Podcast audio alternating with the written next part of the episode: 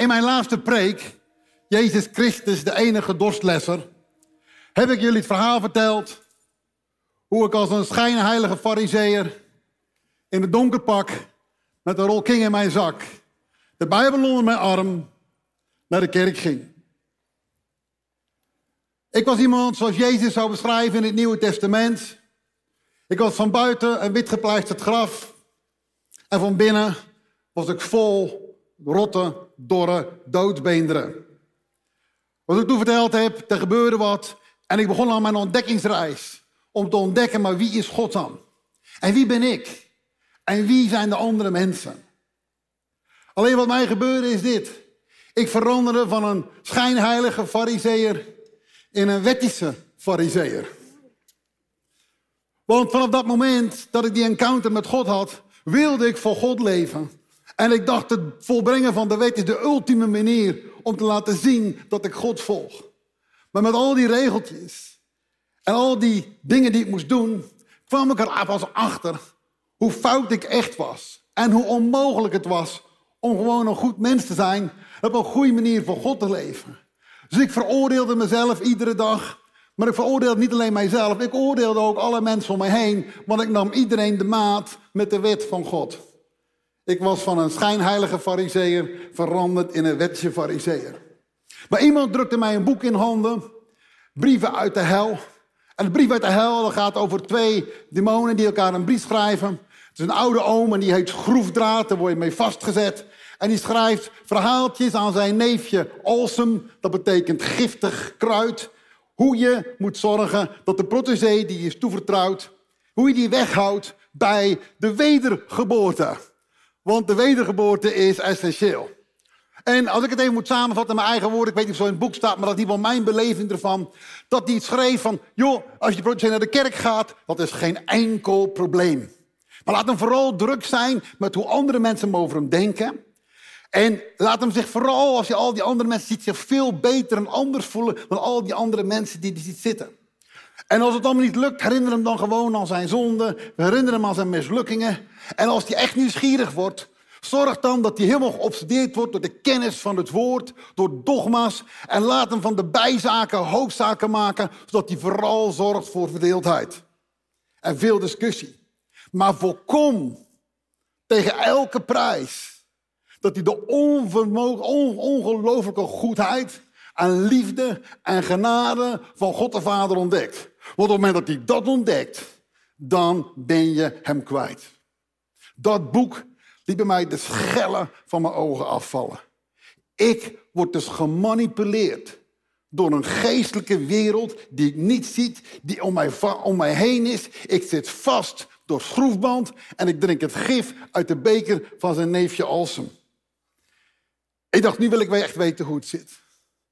Dus ik ging uit mijn kleine wereld waar ik in leefde, mijn kerkmuren ging ik uit. En natuurlijk was ik trouw, ik ging ochtends en, s avonds naar mijn eigen kerk. Maar op zondagmiddag ging ik op onderzoek uit. En ik kwam in de hervormde kerk hier in Banneveld. En dat was de eerste keer voor mij dat ik iemand over Jezus Christus hoorde spreken zoals ik nog nooit gehoord had. Maar de, maar de wettische fariseer in mij, die zag al de mensen daar zitten.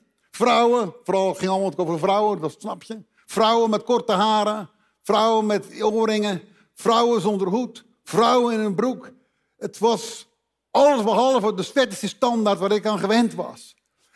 En terwijl Jezus Christus werd gepreekt, dacht ik, wat goed dat deze mensen dat horen. Niet ziende dat ik degene was die het nodig had. En daardoor ging ik verder op onderzoek uit en ik kwam terecht bij Bijbelstudies hier in Banneveld in de Veluwehal. En ik weet nog dat ik daar binnenkwam op een woensdagavond. Een klein beetje spannend wel om ergens te komen waar je nooit eerder geweest bent, niet precies weten waar je inloopt. En er stond iemand daar bij de ingang die mij kende. En die zei: Peter, wat doe jij hier? Dit past niet bij jou. Jij bent verkeerd. Ik hield me toen groot en zei, ah joh, het komt allemaal wel goed. En ik kroop natuurlijk voorzichtig op de achterste stoel, op de achterste rij. Dat voelde veilig. En er was natuurlijk een band en begon natuurlijk worship en te dansen en te zingen en te juichen en te roepen en de handen hingen omhoog. Ik vond het natuurlijk allemaal lekker vreemd. Ik vond het wel bijzonder dat ze zoveel overgave hadden. Maar toen kwam het woord. En dat woord openbaarde mijn dorre doodsbeenderen. Want hoewel ik wel God zocht, was ik van binnen dorre doodsbeenderen. Hoewel ik wel wilde, was ik nog steeds meer van ik doe wat ik niet wil. Ik doe, ik doe niet wat ik wil, maar ik doe wat ik niet wil. En die avond kwam het woord. En die avond was mijn eerste punt. Was het begin van een volledige, totale transformatie van wie ik was. En in de samenvatting, ik heb, ik heb de PPP, het is een parafrase van Romeinen 6 aan Romeinen 7, om er woorden aan te geven wat dan gebeurt. En ik ga het lezen en lees hem gewoon rustig met me mee en ik denk dat het voor zichzelf spreekt. Maar de openbaring die ik die avond kreeg is dit. Niet ik moet, maar ik ben. Jij bent. Ik ben verenigd met Christus. Door de onderdompeling, het bad van de wedergeboorte, in zijn dood en zijn opstanding. Ik ben opgestaan in een nieuw koninkrijk. Ik ben opgestaan met een nieuw leven. Ik ben opgestaan met een, als een nieuw geschapen mens. En ik ben vanaf nu verenigd in een nieuwe relatie met Christus. Ik ben voor eens en voor altijd verlost van de tirannie van mijn oude echtgenoot zonde, die mij met de wet terroriseerde. Zonde heeft geen recht en autoriteit meer over mij. Ik ben nu verenigd met mijn nieuwe bruidegom, Jezus Christus. Het oude is voorbij gegaan en alle dingen zijn nieuw geworden. Voor mij viel die avond het kwartje. Dat ik getrouwd was met zonde. En dat de zonde, die echtgenoot waar ik mee getrouwd was, mij liet zondigen. Om vervolgens mij met de wet te tyranniseren en te terroriseren. Wie denk je wel niet waar jij bent? Je bent een zondaar, je bent schuldig, je bent schaamte en ik veroordeel mezelf. Ik kan je vertellen, een huwelijk met zonde is de hel op aarde. Maar Jezus Christus heeft mij verlost uit dat slechte huwelijk. Want weet je, ik liet nog steeds, ondanks mijn zoektocht naar God, ik liet mijn ex, de zonde, mijn leven bepalen. Maar als je gescheiden bent, in dit geval gestorven bent, begraven bent en opgestaan, dan ben je gescheiden van je ex. En je ex, de zonde, met wet in de hand, heeft niets meer over je te vertellen. Want je bent opgestaan in een nieuw leven. En in het nieuwe leven, als een nieuwe schepping, en het nieuwe leven als een nieuwe schepping ben je in een nieuwe relatie. En die nieuwe relatie, je bent verenigd met je nieuwe bruidegom, Jezus Christus. En je ex heeft geen enige recht en geen enige autoriteit om nog iets over jouw leven te zeggen of te vinden. Het is vandaag de dag waarin je de deur van je leven met een smak dichtgooit voor de neus van je ex. En zegt, dit is de laatste dag dat jij mijn leven bepaalt. In mijn beleving, in mijn beleving trok ik die avond een streep in het zand, zoals je dat doet op het strand. Zo, tot hier toe en niet verder. En ik stapte eroverheen. Ik ben erachter gekomen dat het geen streep in het zand was. Het is een streep in beton. Een streep in beton. Weet je, dopen door onderdompeling is een geestelijke daad in de geestelijke wereld. In de geestelijke wereld is geen tijd. In de geestelijke wereld is het altijd nu.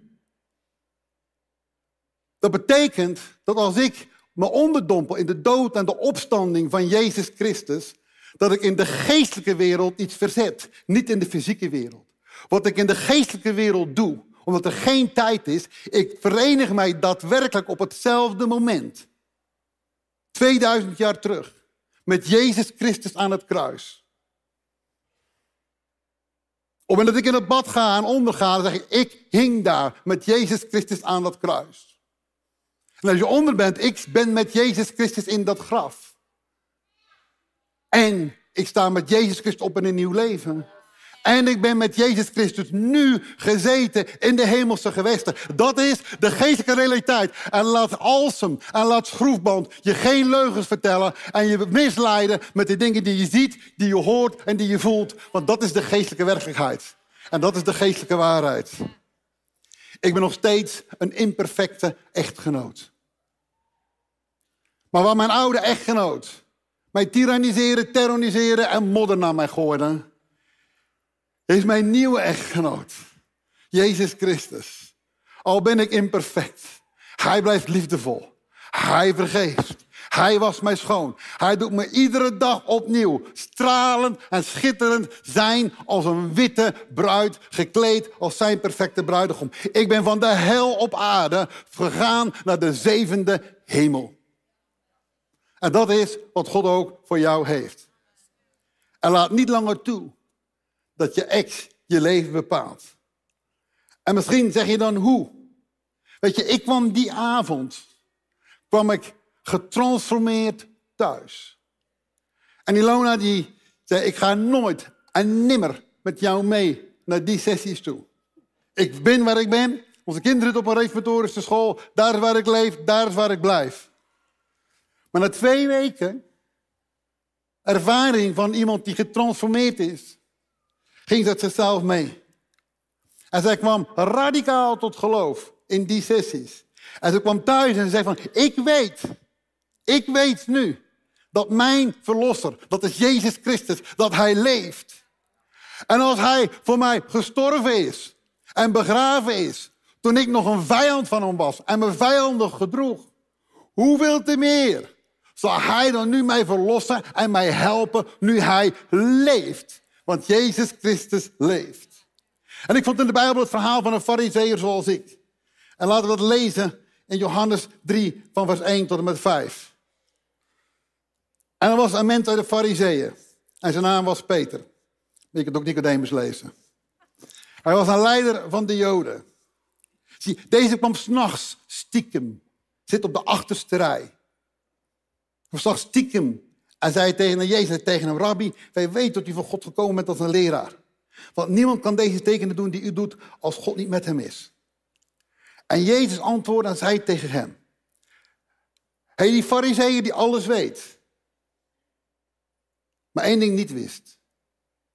Als iemand niet opnieuw geboren wordt, kan hij het koninkrijk van God niet zien. Je moet opnieuw geboren worden om het koninkrijk van God te zien. En Nicodemus die is verward en zegt, maar hoe kan een mens dan opnieuw geboren worden als hij oud is? Hij kan niet voor de tweede keer in de buik van zijn moeder ingaan en geboren worden? En Jezus antwoordde en zegt, voorwaar, voorwaar, ik zeg u. Als iemand niet geboren wordt, twee dingen, uit water en geest, kan hij het koninkrijk van God niet binnengaan. Dus je hebt water en geest, je hebt zien en binnengaan. Door het water ga je het koninkrijk binnen. En door de geest open je je ogen in een nieuw koninkrijk. Je verlaat de ene wereld, want je kon de wereld van het koninkrijk niet zien. Je verlaat de ene wereld door het water. Je wordt wakker in een andere wereld en je opent je ogen.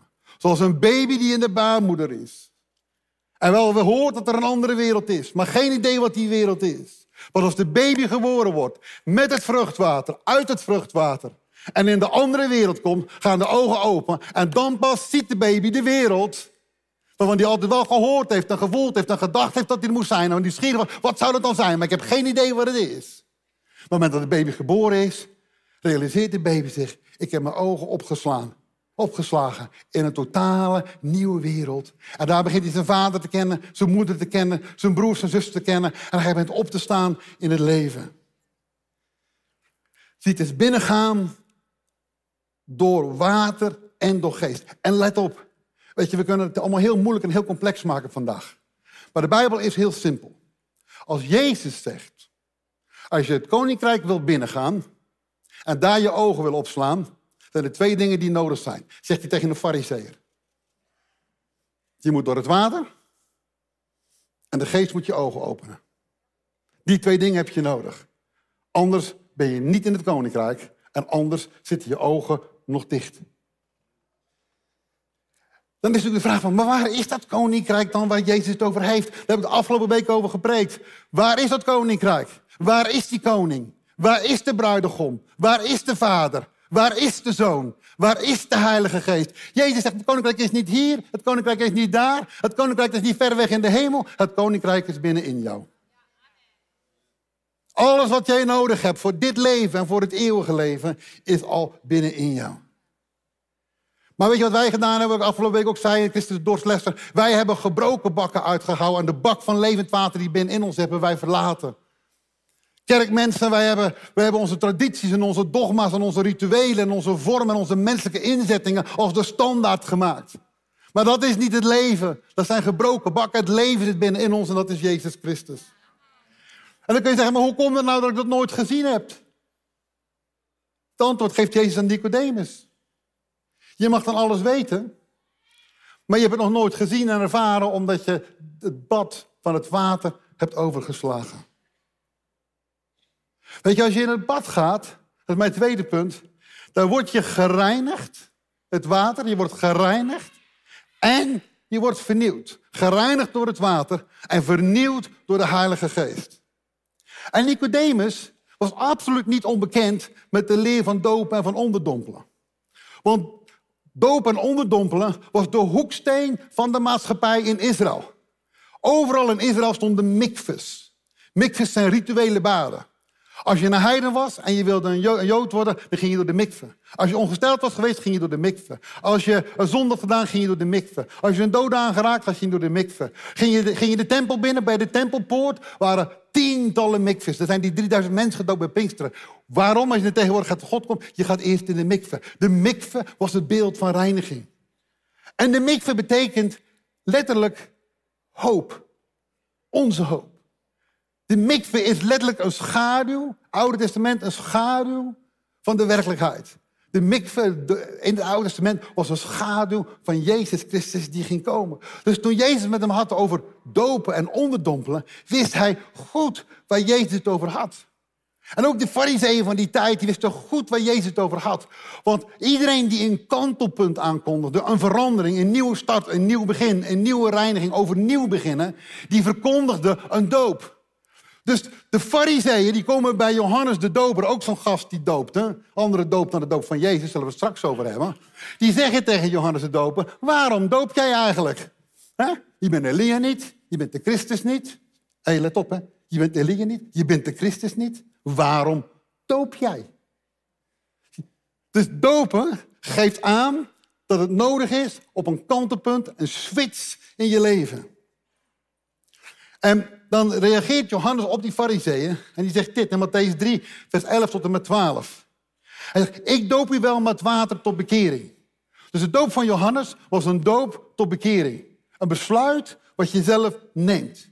Maar hij die na mij komt, dat is Christus, die is sterker dan ik. Ik ben het niet waard hem zijn sandalen na te dragen.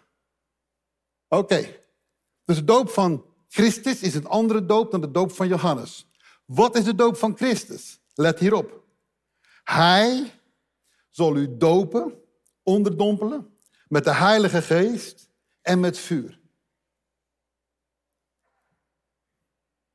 Dat is jezelf onderdompelen in de Heilige Geest, het bad van de vernieuwing, en met vuur. Reiniging. Sterker, dus Johannes had het water, maar naar Jezus wordt gerefereerd als vuur. Vuur is sterker. En wat doet hij? Zijn man is in zijn hand. En hij zal zijn dorsvloer. Beste mensen, dit gaat niet over mensen die verloren gaan of niet. Dit gaat over jou. Jij bent zijn dorsvloer. Die is hier binnenin. Hier is zijn, koning, is zijn dorsvloer, zijn koninkrijk. Hij zal zijn dorsvloer grondig reinigen. Als je nog grondige reiniging van je leven nodig hebt, dat is de doop door het bad van de wedergeboorte van Jezus Christus. En wat doet hij? En zijn man is in zijn hand. En hij zal zijn dorsvloer grondig reinigen. En zijn tarwe, dat ben jij. Dus je spirit. In zijn schuur verzamelen. En hij zal het kaf. Dat is alles wat in je leven is wat er niet hoort. En wat je eigenlijk niet wil dat er is. Dat je tot je volle glorie komt. Dat het kaf en de stro heeft geen nut. Je bent de tarwekorrel, daar draait het om. En het, en, en het kaf en het stro wat erbij hoort, dat wordt met vuur verbrand. De doop met vuur. De doop in het bad van de wedergeboorte is een totale transformatie. Het is een totale reiniging. Het is een totale verbranding van alles wat niet in je leven thuis hoort. En het is een totale vernieuwing door de kracht van de Heilige Geest die binnenin je komt. Het is dus een totaal andere doop dan de doop van Johannes. Je ziet al dat het niet zoveel uitmaakt hoeveel keer je gedoopt wordt of ondergedompeld wordt. Want op een kantelpunt word je ondergedompeld. En dan zegt de Bijbel, en Jezus doopte meer mensen dan Johannes de Doper.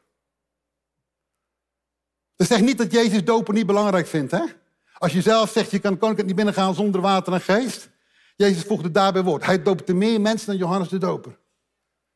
En waarom doopte Johannes? Waarom doopte Jezus meer mensen dan Johannes de Doper? Nou, je kan zeggen van Johannes, die was radicaal. Hè?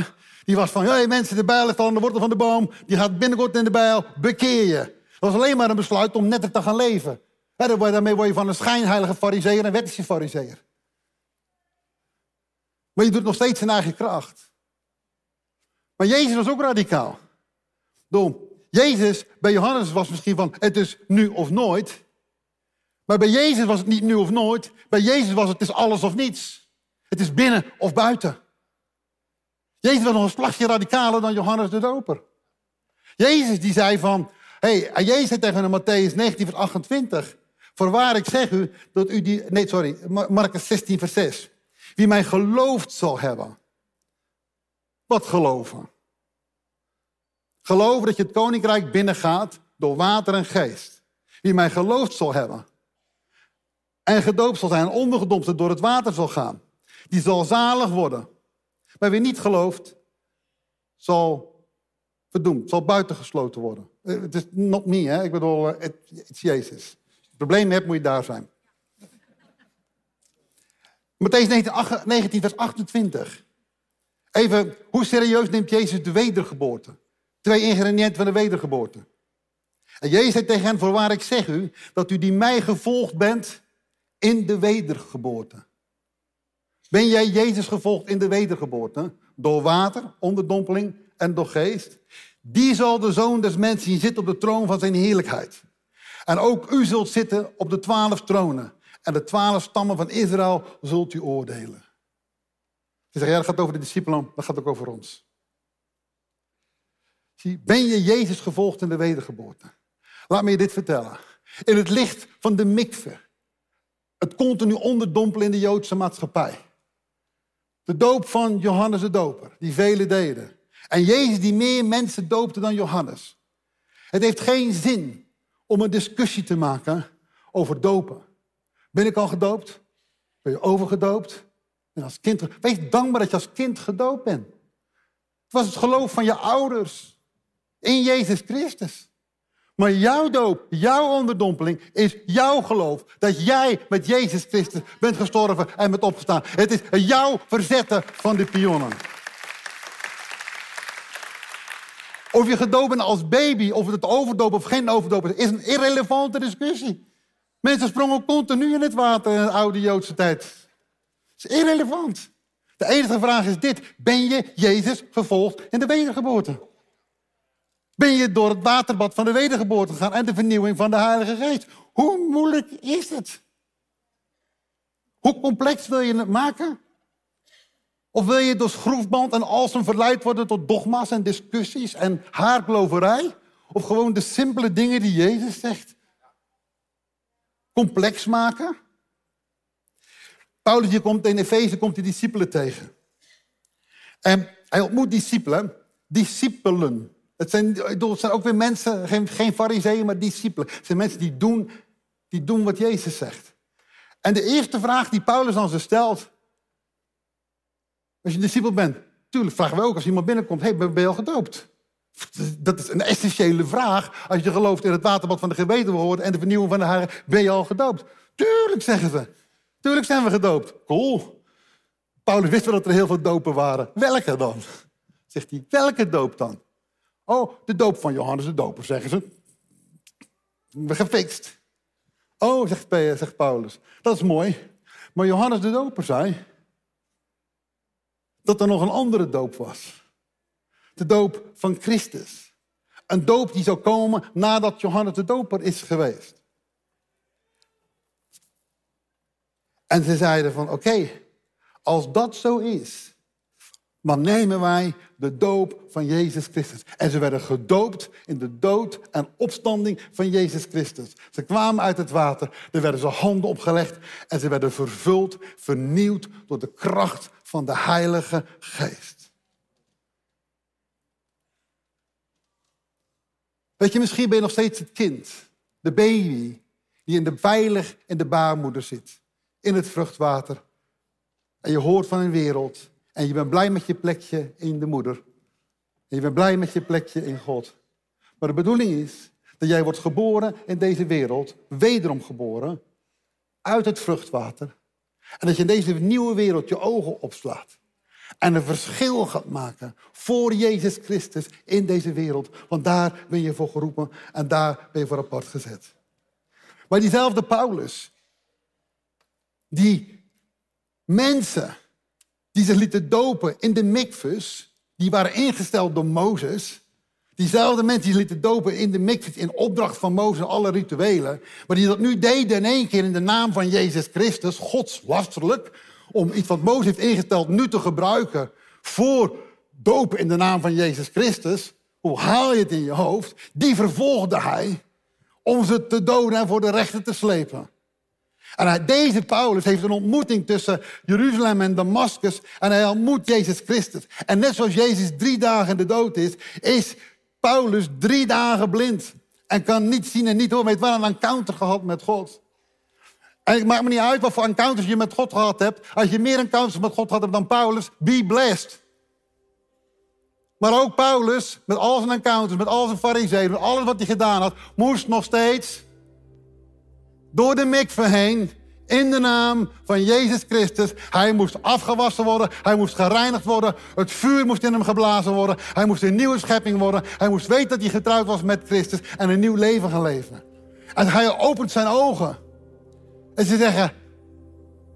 Paulus, wat aarzel je nog? Ja, dat is logisch. Als je al die mensen vervolgd hebt die, die het dopen... Eh, dat je even aarzelt. Maar de Bijbel zegt, hij stond op, hij liet zich dopen, werd vervuld met de Heilige Geest. En hij predikte terstond Christus. Zijn leven was getransformeerd. En daarmee breng ik jongens tot het vierde punt. Het bad van de wedergeboorte is baden in Gods liefde en in Gods barmhartigheid. Steeds twee ingrediënten. Binnengaan en je ogen openen. Water en geest. Maar hoe gebeurt het? Door twee andere dingen. De enige reden waarom het gebeurt, het is de liefde, de eeuwige liefde van voor de grondleggende wereld en de barmhartigheid van God onze Vader. En laten we lezen wat Paulus erover zegt in Titus. Hij zegt in Titus 3, vers 4. Maar toen de goede tierenheid, hier heb je de goedheid van God, onze zaligmaker. En zijn liefde tot de mensen verschenen is, maakte hij ons zalig. Niemand maakt zichzelf zalig. Hij maakte ons zalig. Niet op grond van de werken, niet van wat we gedaan hebben. Niet op onze rechtvaardigheid, of hoe goed we zijn, of hoe slecht we zijn. Maar alleen vanwege, die heb je de tweede, zijn barmhartigheid. En hoe doet God dat? Hoe? Niet op jouw manier, alleen op zijn manier. Precies dezelfde manier wat Jezus zei. Het is water en het is geest. Zie hier wat Paulus zegt. Hij heeft ons dus zalig gemaakt, niet op grond van onze werk en vanwege zijn barmhartigheid, maar door het bad van de wedergeboorte. En de vernieuwing van de Heilige Geest. Jezus zegt, Je kunt het koninkrijk van God niet binnengaan, tenzij door water en door geest. Jezus zegt, wie mij geloof zal hebben, dat je het koninkrijk niet bent kunnen binnengaan, dan tenzij door water en geest, wie mij geloof zal hebben en dus gedoopt zal zijn. Maar dat is dus als je gelooft, dan doe je dus wat Jezus zegt. Ja, die zal niet verdoemd worden, maar leven tot in alle eeuwigheid. Het is heel eenvoudig, beste mensen.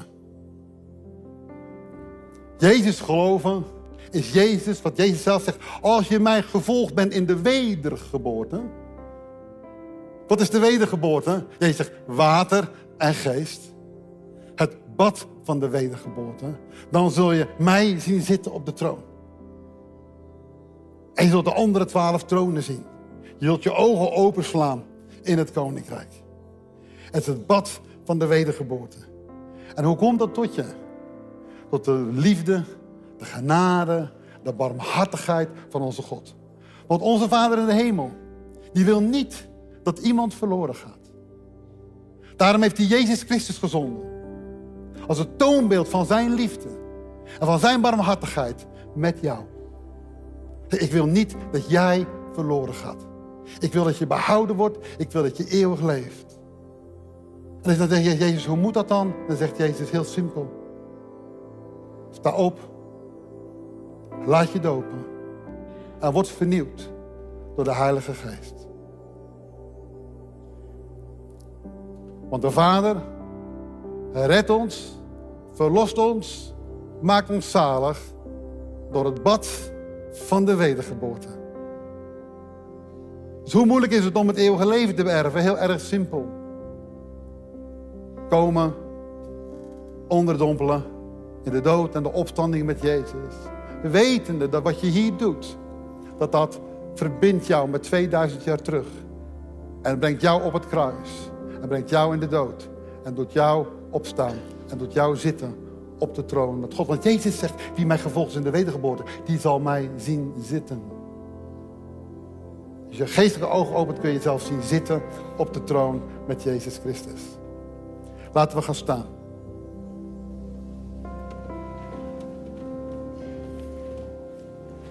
We gaan alle mensen die we gepland hebben om te dopen, die gaan we dopen. En voor alle mensen die we niet gepland hebben om te dopen, die gaan we ook dopen.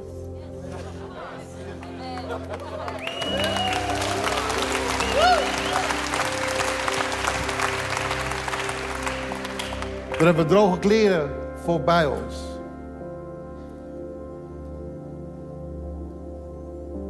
Dus wat aarzel je nog? Als jij nu weet dat de keuze die jij nog moet maken in je leven is opstaan en door het bad van de wedergeboorte gaan en het vernieuwen van de Heilige Geest. Begin dan gewoon ook deze kant op komen. Er staan straks mensen aan de zijkant om je te helpen. En als iemand naast je zit die twijfelt, help die persoon naast je. Zeg, weet je, volgens mij heb je het nodig om door het bad van de wedergeboorte te gaan. Wat houdt je nog tegen? Die Ethiopiër zegt tegen, je, zegt tegen Filippus, wat is er op tegen dat ik gedoopt word? Nou, er is niks op tegen. Er zijn alleen maar voors. Maar hij zegt dat je gelooft dat Jezus de Christus is. En je gelooft wat hij gezegd heeft. Nou, dan is het geoorloofd. En wat zei Jezus? Je kan het koninkrijk alleen zien. Door water en door geest. Zie je, ik geloof al jaren. Ik ben als kind gedoopt. Fantastisch. Ga vandaag door het bad diepe reiniging. Het bad van de Heilige Geest, het bad van vuur en het bad van de vernieuwing. Je, ik ben nog nooit in de kerk geweest. Ik ben hier vandaag voor het eerst. No problem. Het is eenvoudig. Je zegt, ik wil Jezus volgen. Daar is het bad. Laat zien dat je Jezus volgt. Laat niets of niemand je tegenhouden. Je man niet, je vrouw niet, je kinderen niet. Weet je nog wat, wat tegen Alsem zei? Laten mensen vooral druk zijn wat andere mensen over ze denken. Wat zal mijn man nu denken als ik nu naar voren loop? Wat zal mijn vrouw denken? Wat zullen mijn kinderen zeggen? Hoe ga ik het straks als ik thuis kom aan mijn buren en aan mijn vrienden uitleggen wat ik gedaan heb? Who cares? Het is Jezus die je roept vanmorgen. Het is Jezus die je roept vanmorgen. En ik weet in ik kon vandaag bad niet opzetten omdat we in een andere zaal zaten. Maar je kunt gewoon naar voren gaan. Gewoon zeggen, hier ben ik, ik ga me laten dopen. En by the way, mocht het dan toch niet helemaal lukken in Zwolle... kun je vanavond komen, dopen we je alsnog hier onder in het bad van de wedergeboorte. Laten we gaan dopen.